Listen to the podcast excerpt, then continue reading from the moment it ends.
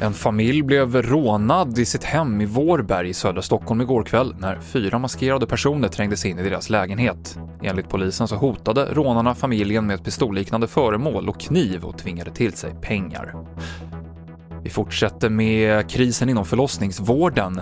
Barnmorskor har en ansträngd arbetsbelastning med höga krav och lågt inflytande, visar en ny avhandling.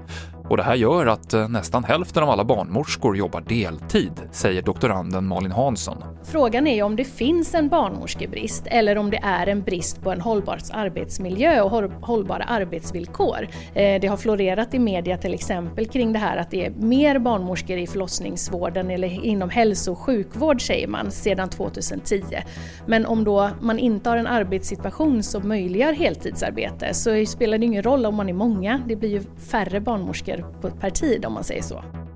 Fransmän som fyllt 65 år kommer från 15 december behöva en tredje spruta mot covid-19 för att få ett giltigt covidpass, det meddelade presidenten Macron igår kväll. Covidpasset, som har funnits i Frankrike sedan augusti, krävs för att komma in på restauranger, kulturevenemang och för att få resa med inrikeståg. Senaste nytt finns i appen TV4 Nyheterna, i studion Mikael Klintevall.